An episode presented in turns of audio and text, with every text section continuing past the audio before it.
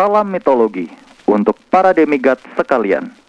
Semoga kalian semua diberkahi oleh 12 dewa Olympus dan 7 dewa keberuntungan, Shichi Fukujin. Dalam segmen Apollo ini atau Artist Profile of Legend and Mythology Works, sebuah segmen yang akan membahas referensi mitologi dari karya-karya pop culture, IP, baik fiksi maupun non-fiksi, baik fantasi maupun edukasi, bersama narasumber yang beraneka ragam.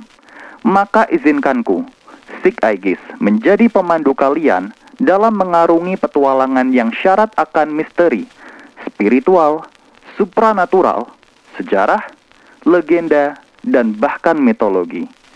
Sebelum kita berangkat melewati gerbang ilmu pengetahuan yang ada di depan mata kalian, ada baiknya kalian membuka pikiran kalian terlebih dahulu.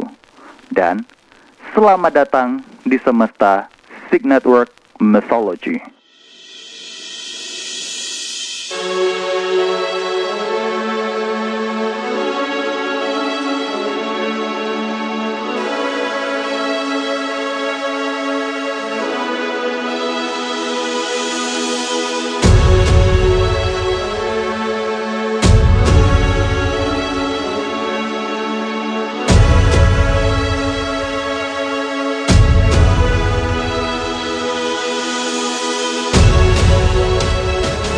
Halo, apa kabar? Terima kasih sudah diundang di podcast ini nih. Oke. Lo tuh kan sebenarnya banyak banget nih ke kegiatannya kan. Lo podcaster iya, kreator IP iya. Kenapa komedian lu juga pernah gitu kan. Terus lo Ya. juga pop culture enthusiast. Nah, lo tuh sebenarnya ingin dideskripsikan sebagai apa?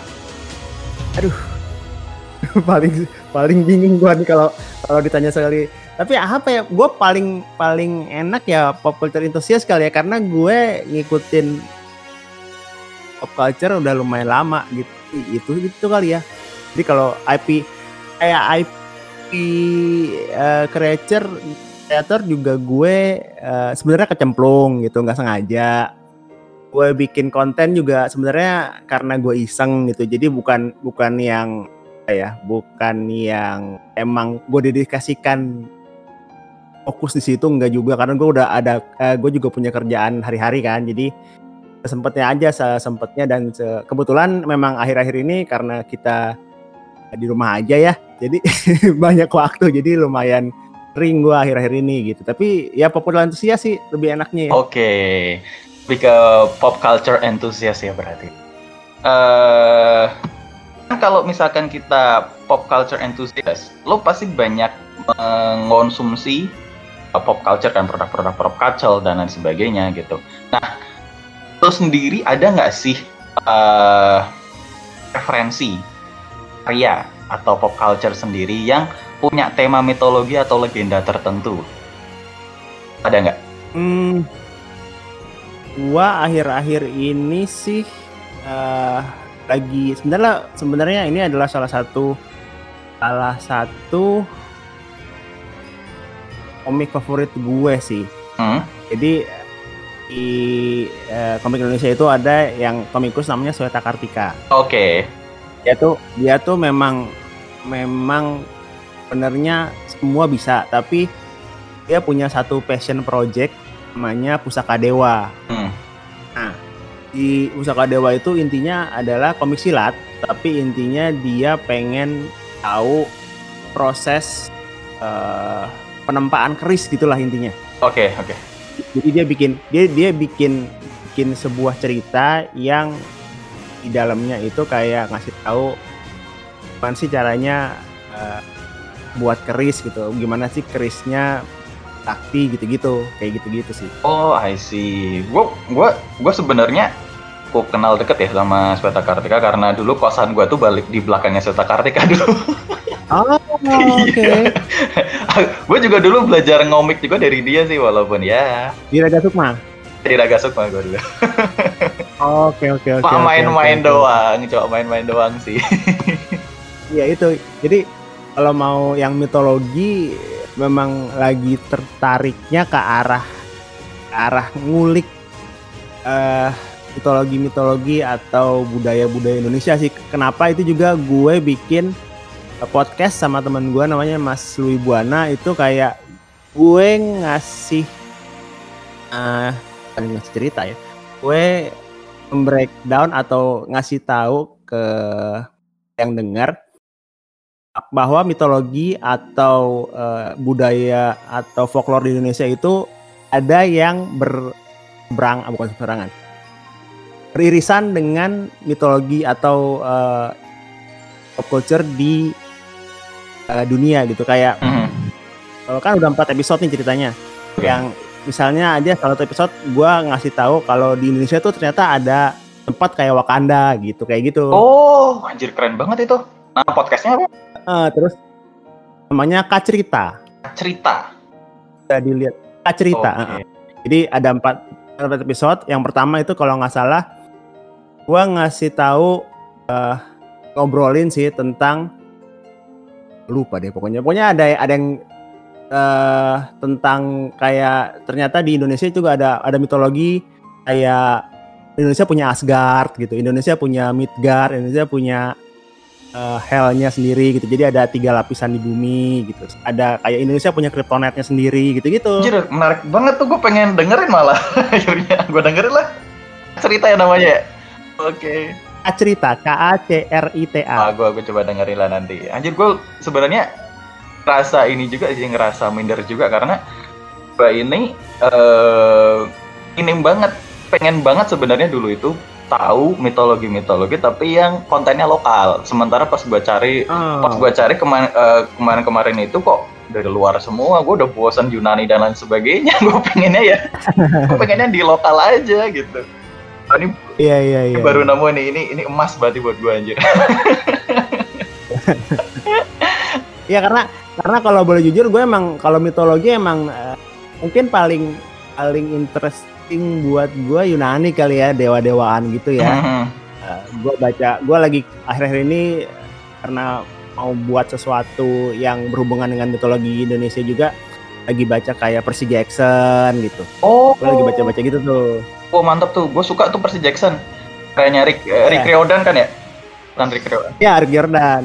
Pengen pengen tahu gimana dia menceritakan, gimana dia uh, ngambil elemen si mitologi uh, Yunaninya sampai masuk dan pas gitu nggak nggak terkesan dipaksakan gitu gitu sih jadi gue lagi belajar itunya gitu oke berarti uh, ambil unsur utamanya atau mungkin referensi dasarnya dari Percy Jackson lah ya tuh hmm, kira ya gue lebih ke gimana cara dia dengan enak menceritakan di uh, menceritakan sampai akhirnya pesan yang pengen dia sampaikan itu sampai ke apa namanya pembaca gitu sih. Lebih, lagi belajar itu. Ah, boleh tahu nggak nih judulnya apa? Apa udah ada judulnya? apa tuh? Udah ada judulnya belum? Yang mana? Yang mana? Yang Sani bikin barusan itu yang ada oh. tema. Ah. Nah, sebenarnya ini project udah lama sih, udah dari tahun 2015, tapi karena satu dan lain hal nggak nggak nggak kelar-kelar, bukan kelar-kelar sih. Gue keenakan cari referensi kali ya. Oh, jadi, gitu. uh, jadi namanya Jagat Raya. Oh, Jagat nah, Raya, ya, ya, ya, ya. Nah, Jagat Raya ini intinya sih gue pengen ngenalin kalau di Indonesia tuh banyak folklore, banyak uh, cerita rakyat yang keren-keren selain yang uh, mungkin udah hampir semua orang tahu kayak Timun Mas, Tarup, Tancil gitu terakhir tahu itu Jagat Raya itu yang uh. kau ngenalin planet-planet itu kan kalau nggak salah. Ya, jadi jadi intinya adalah gimana uh, apa yang membuat Jagat Raya ini beda.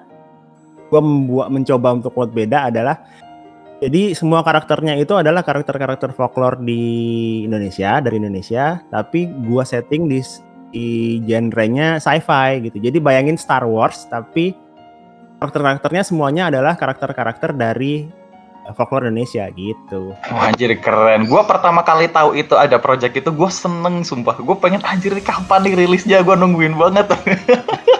nungguin banget itu yang Jagat Raya. Gue gue sebenarnya kan emang penikmat Nusantara Ranger kalau boleh. Oke. Okay. Uh, gue penikmat Nusantara Ranger dulu yang sebelum akhirnya berubah jadi Nusa Five kan. Gue penikmat Nusantara Ranger dan kalau gue boleh bilang eh, inspirasi gue berkarya dulu adalah Nusantara Ranger jujur aja gitu. Waduh. Iya. Inspirasi gue berkarya sampai akhirnya sekarang gue lebih fokus ke podcast dan emang udah ada jarang berkarya juga sih. Terus ada H2O Reborn kan kalau lo juga bikin sama Hmm, sama hmm. si Panji kan. Sama Panji sama Sweta juga. Sama Jaka. Eh, sama Adi. sama juga. Tuh eh, konsepnya kan juga sama cerita rakyat yang sci-fi kan ya. Itu ya, itu intinya kalau kalau H2O sebenarnya dari awal adalah ide Panji sebenarnya. Ide Panji. Hmm. Dia pengen ngangkat cerita Ramayana. Tuh, Ramayana Hmm.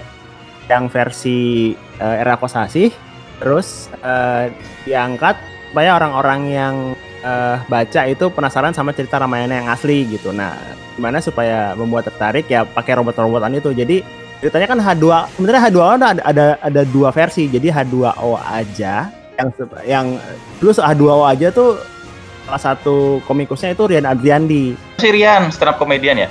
Hmm, Oke. Terus karena sibuk gitu kan semuanya akhirnya jadi H2O itu ganti formatnya jadi komik hitam putih gitu. Jadi kan dulunya komik warna, sekarang komik Hmm. eh, hitam putih.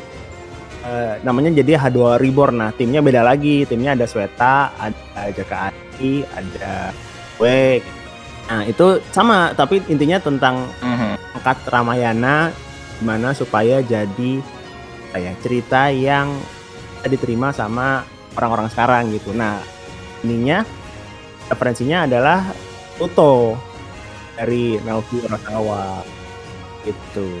Oh gitu. Anjir lo project banyak banget dan most of it gue suka semua anjir project lo. gue salah satu fans lo lo seriusan. Berat sekali ada fans. Aduh. Ya dulu dulu emang emang gue kan penikmat karya lo dari mulai Nusantara Ranger Hmm. terus uh, waktu itu sempat ada H2O juga gue ngikutin Hmm. sempet ya, lengkap itu uh, bukunya kan Ya, yang tiga. H2O Reborn yang tiga itu terus sama yang Jagataya gue nungguin banget itu jujur nungguin banget sama dulu kalau nggak salah lo kan juga pernah bikin super santai kan ya Super santai ya, super santai juga. Belum akhirnya yang ngerjain si Benny sama si Dewe kan ya Sama Dewe betul. Ya itu. Oke.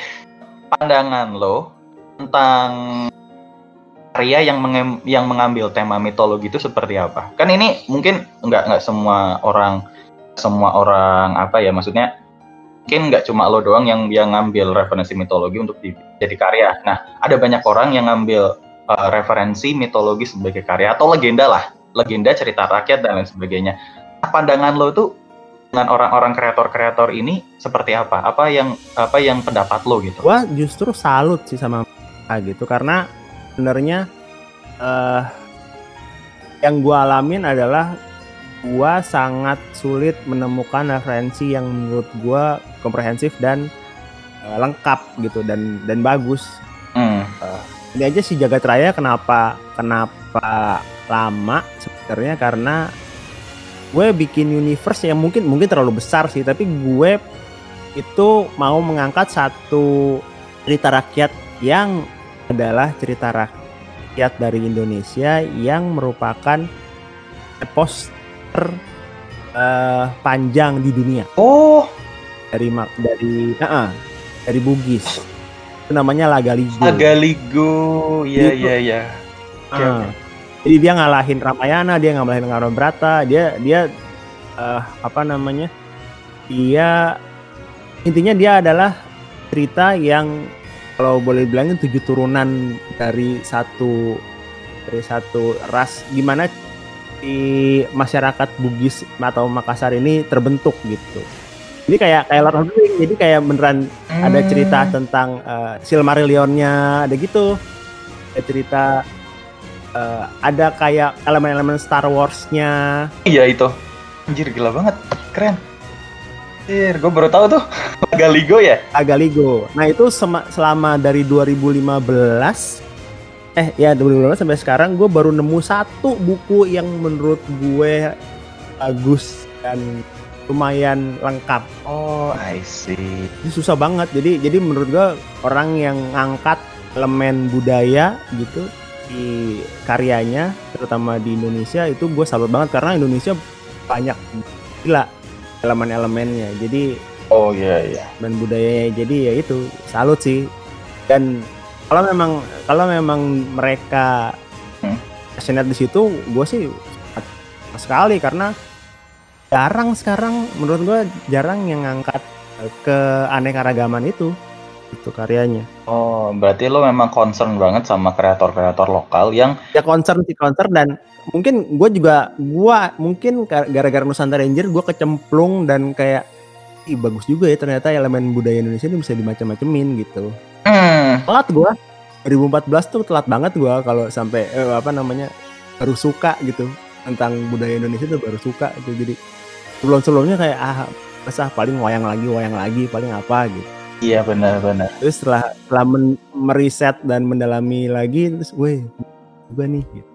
Ya Nusa Nusantara Ranger aja pas waktu itu juga itu jujur ngebuka mata gue banget sih soalnya oh ya ternyata budaya itu nggak cuma sekedar wayang loh gitu loh hmm Sek- nggak sekedar Mahabharata atau Ramayana gitu ada loh yang lebih menarik gitu loh iya iya iya. wah gue baru tahu Oh, Oke, berarti memang eh ya Pak, tapi dalam skupnya eh, mitologi lokal, maksudnya mitologi dan budaya lokal. Kalau misalkan ada kreator yang ngambil mitologi luar atau gitu, pandangan lo gimana? gua nggak apa-apa gua gua malah sebenarnya orang nggak nggak bisa di kan nggak bisa gua paksain lu kalau orang Indonesia lu nggak boleh ngangkat budaya Yunani gitu nggak nggak apa-apa juga sebenarnya asal yang yang menurut gue agak kurang atau kadang kadang-kadang karya yang mereka ambil mitologi mana gitu. Tapi mereka risetnya tidak sampai dalam gitu.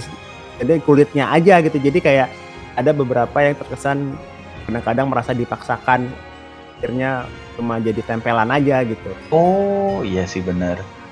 Kayak mungkin referensinya cuma sebatas Wikipedia mungkin.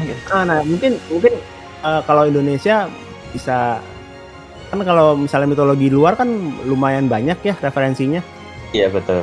mungkin bisa ya itu sih bisa bisa lebih. Riset sih penting sih riset tuh penting banget. Sih. tapi jangan terlalu lama juga kayak gue. Ntar nggak jadi jadi. Ntar nggak jadi jadi karena karena riset. Karena ke apa namanya ke ini riset. Tapi riset sih salah satu apalagi mau ngambil unsur mitologi ya. Baca apa pun yang berhubungan itu sih. Eh, ngomongin masalah karya yang temanya mitologi, eh gue pernah, gue pernah maksudnya bukan pernah lagi ya, mungkin semua orang tahu bahwa Thor itu adalah salah satu produk mitologi, eh produk karya berbasis mitologi. Tapi ada beberapa elemen yang diubah. Contoh kasus adalah Loki. Loki kan harusnya adiknya adiknya si Odin kan, tapi di Thor malah jadi adiknya Detektor. uh, Dinator gitu. Nah, menurut lo yang namanya customisasi atau perubahan dalam uh, storytelling dari yang tadinya mitologi aslinya seperti ini terus diubah jadi seperti ini itu menurut lo gimana? Gue sih intinya asal tidak mengubah esensi rootnya sih, esensi dasarnya itu nggak diubah gitu. Gue sih masih oke sih. Kayak jagat raya gitu, nggak semuanya esensinya aja yang gue ambil, tapi nggak semuanya eh, apa namanya, nggak semuanya stay true to the apa namanya ya cerita rakyat yang ada gitu. Kayak misalnya, misalnya ya, eh, ambil contoh di jagat raya itu eh tapi ini spoiler nggak apa-apa spoiler lah nggak apa-apa biar biar penasaran jadi eksklusif oke. jadi si kalau di jagat raya timun mas itu aslinya adalah anaknya buto ijo walaupun memang memang sebenarnya sebenarnya di cerita rakyat gitu kan jadi dia ka- dikasih pasangan suami istri ini dikasih bibit yang akhirnya jadi jadi, jadi si timun mas gitu. Tapi kalau di jagat raya si timun mas ini gue bikin justru kayak jadi Loki. Ngomong-ngomong Loki gue bikin jadi Loki. Jadi kayak dia Mhm. adalah anak angkat yang yang sebenarnya adalah anak dari seorang raksasa. Tapi dia eh, tapi selama hidupnya dia nggak tahu kalau dia itu adalah anak raksasa itu gitu dan Oh. eh, oh buat si timun emas ini itu kalau dia kena sinar matahari kulitnya jadi hijau makanya selama 17 tahun di kerajaan timun ini dia nggak boleh keluar dari istananya gitu gitu gitu Oh. Berarti udah menerapkan pola PSBB ya kalau orang Gaza ada PSBB, oke. Jadi emang uh, yang namanya customisasi dari sebuah uh, mitologi atau referensi dasar ya itu hmm. sah-sah saja asal tidak merusak esensi asarnya gitu, esensi utamanya gitu. Oke. Okay. Ya, kalau gue sih gitu. Oke. Okay. Nah, terus nih, ada nggak karya tema mitologi yang lo paling favoritin deh? Lo pop culture enthusiast kan? Nah, lo paling favoritin apa nih? Hmm, apa ya? Gue sebenarnya kalau misalnya Hollywood ah, mungkin Lord of the Ring kali yang paling paling kali. Tapi gue juga nggak nggak sebenarnya nggak segitunya sih sama Lord of the Ring. Tapi gue gue suka gue tahu gue gue tuh sangat suka sama uh, gimana satu pekarya itu membuat universe yang bagus gitu. Jadi gue gue tuh suka kayak Ring kan bisa dimacam-macamin gitu kayak hmm. uh, lagi kayak Harry Potter juga misalnya gitu ya. Hmm. Gue gue tuh suka gue selalu, selalu tertarik dengan dengan apa namanya dengan karya atau yang universe-nya tuh puas dan menurut gue tiap kali lu baca lu dapat satu yang baru gitu jadi oh kayak Star Wars makanya gue sangat suka Star Wars karena sebenarnya uh, universe Star Wars itu lebih dari hanya uh, di dari 9 film itu aja gitu. Di luar itu banyak banget. Iya. Sampai pas waktu itu gue baru tahu ada kanji club. Baru lagi ini gitu. Nah, kayak gitu. Iya sih benar-benar. Ya Mandalorian aja, Mandalorian aja kan uh, walaupun settingnya deket-deket sama episode setelah episode 4 sampai 5 dia aja dikasih tahu di seriesnya kalau dia nggak tahu Jedi sama seperti itu ada gitu. Jadi kayak kayak gitu kayak yang apa namanya universe sangat kompleks sangat menarik buat gua ulik gitu. Jadi gue sangat kayak gitu. Paling ya kalau ditanya Lord of the Ring kali ya. Lord of the Ring oke. Karena Lord of the Ring juga kan kalau nggak salah ya not mistaken gitu uh, juga ambil referensi dasarnya dari mitologi Nordik bener nggak sih uh, iya. Ada elf, ada dwarf, itu kan ada hobbit dan sebagainya. Uh. Itu kalau nggak salah pas gue baca di fact-nya itu dari Nordic si Tolkien ini terinspirasi dari Nordic nggak tahu berapa nggak ya gitu nah, karena istri gue juga sebenarnya uh, agak gila dengan Thor ya dia satu oh I see uh, high heart fans Loki gitu jadi gue mau nggak mau juga ngikutin Thor sih komik-komiknya beberapa gitu tapi nggak nggak banyak komik sih. Ya iya terakhir terakhir baca itu yang apa ya yang ini yang uh, Thor-nya cewek yang Jane Foster itu. Oh ya, itu Mighty Thor itu juga bagus. Itu itu bagus tuh. Uh, si, si Jane Fosternya jadi Thor kan. Uh, walaupun secara di mitologinya pernah kan kalau nggak salah uh, pernah ada satu kejadian si Thor itu pakai pakaian cewek kalau nggak salah pernah.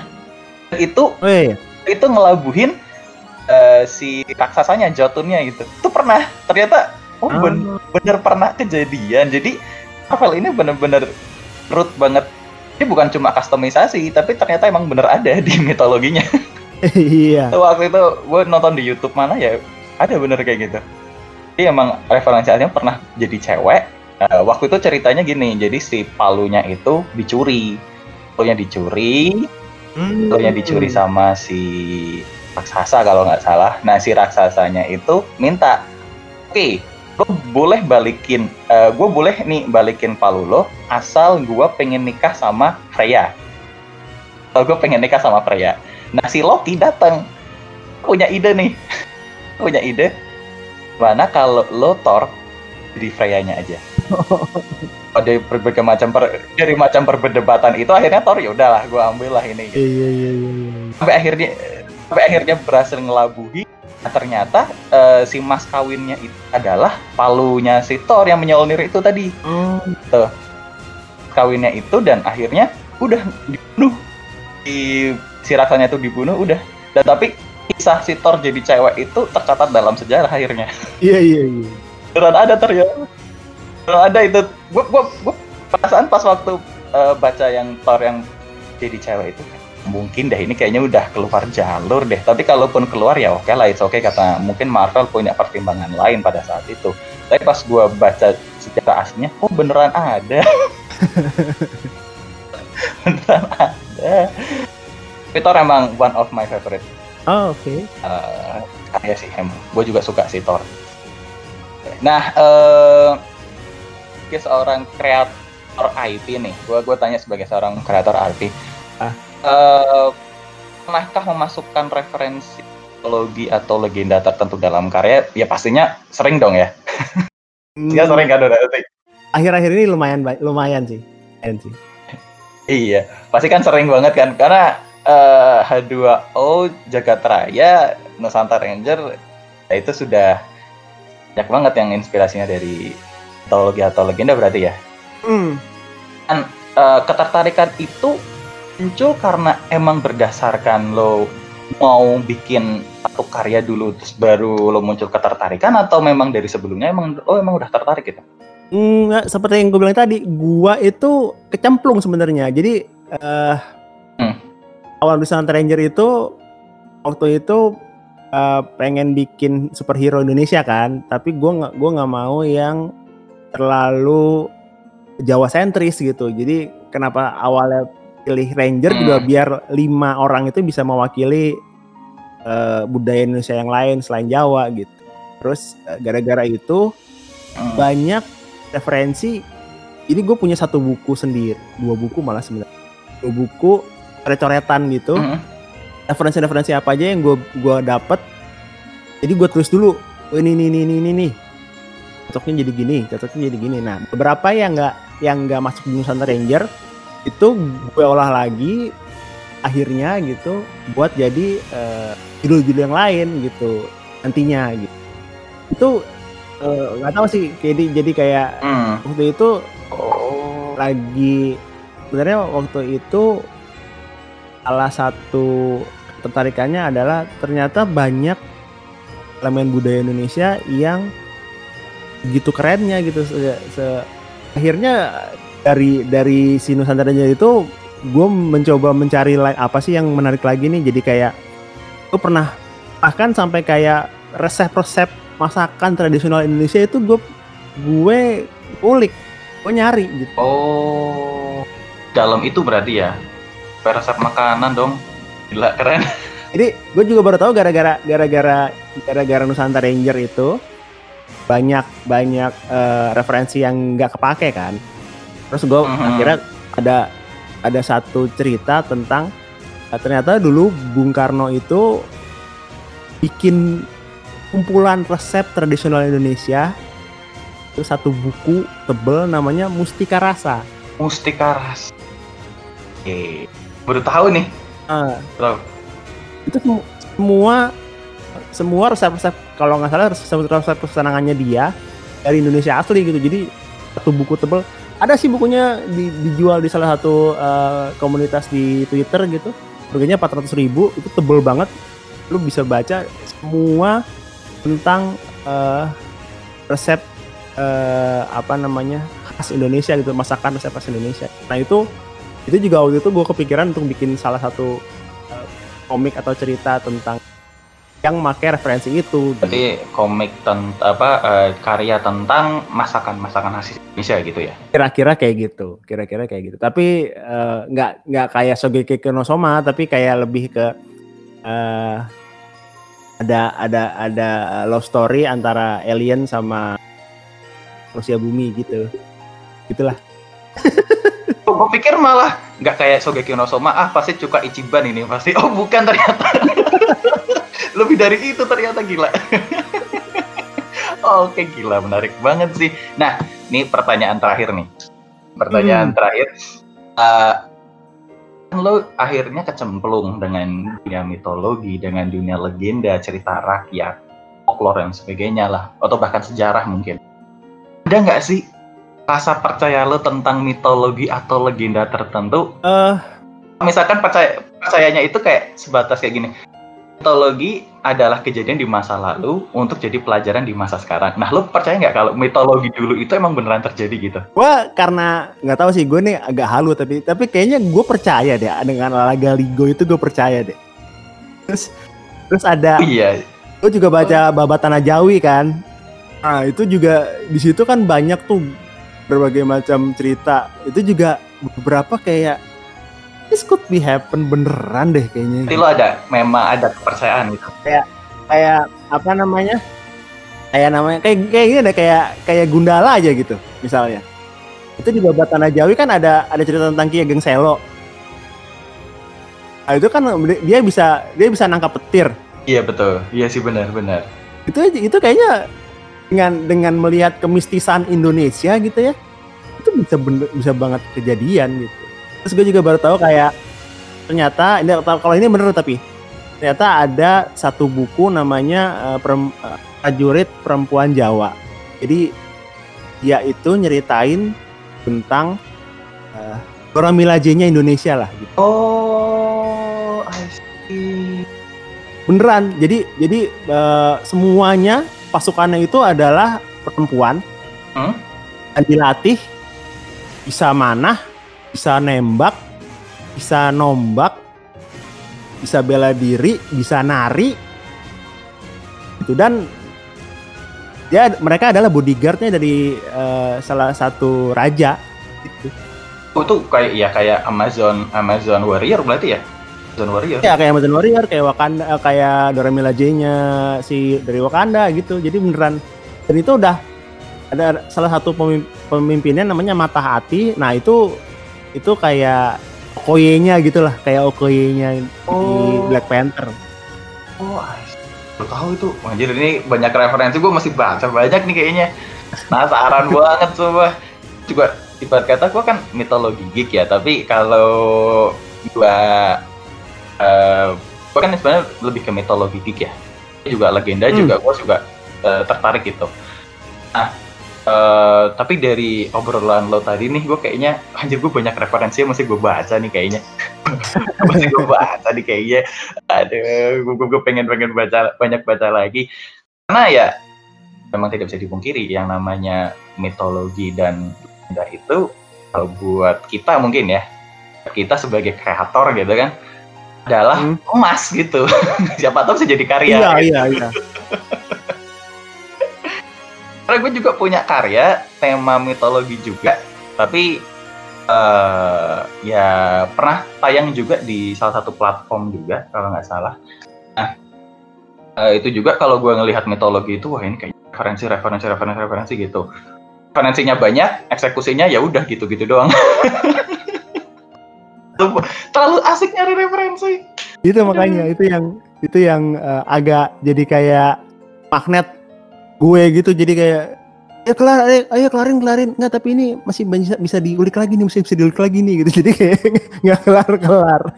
Iya tapi itu it's chilling time banget sih jujur. It's chilling time banget apa uh, mitologi apa nyari referensi itu apalagi yang mitologi ya itu it's chilling time banget sih. Iya. Aja apalagi sambil santai sambil apa gitu pas waktu eksekusi bingung udah semuanya aduh Oke, okay, thank you banget Mas. Ini udah ngisi sama, waktu. Sama-sama udah diajak ngobrol ini banyak nih. Aduh, menarik menarik banget nih. Dan uh, apa sih pesan-pesan lo untuk ya bisa dibilang kan juga punya pendengar namanya demikat sekalian. Hmm. Mereka kan juga uh, soft pendengar gue adalah orang-orang yang suka mitologi. Lalu ada pesan-pesan yang mau selalu sampaikan gitu. Uh, jangan berhenti ngulik mitologi itu aja. Oh, okay. Terutama Indonesia ya, terutama Indonesia karena menurut gue Indonesia itu mitologinya ceritanya elemennya lebih jauh lebih kaya daripada teknologi yang kalian mungkin udah tahu dari Yunani atau Maui atau mana itu sih. Oke. Thank you banget buat waktunya dan uh, terima kasih buat para demigod sekalian kalian bisa dengerin ini nanti di channel gue di Sig Network Mythology setiap hari Jumat di aplikasi Noise dan Spotify. Terima kasih semuanya. Dah. Thank you. Jangan lupa untuk mendengarkan episode podcast Sig Network Mythology setiap hari Jumat di aplikasi Noise dan Spotify. Apabila kalian memiliki ide ataupun saran untuk episode podcast Sig Network Mythology, email saja ke sig.aegis@gmail.com dengan subjek ide untuk podcast mitologi. Ide terbaik akan dijadikan bahasan di episode selanjutnya.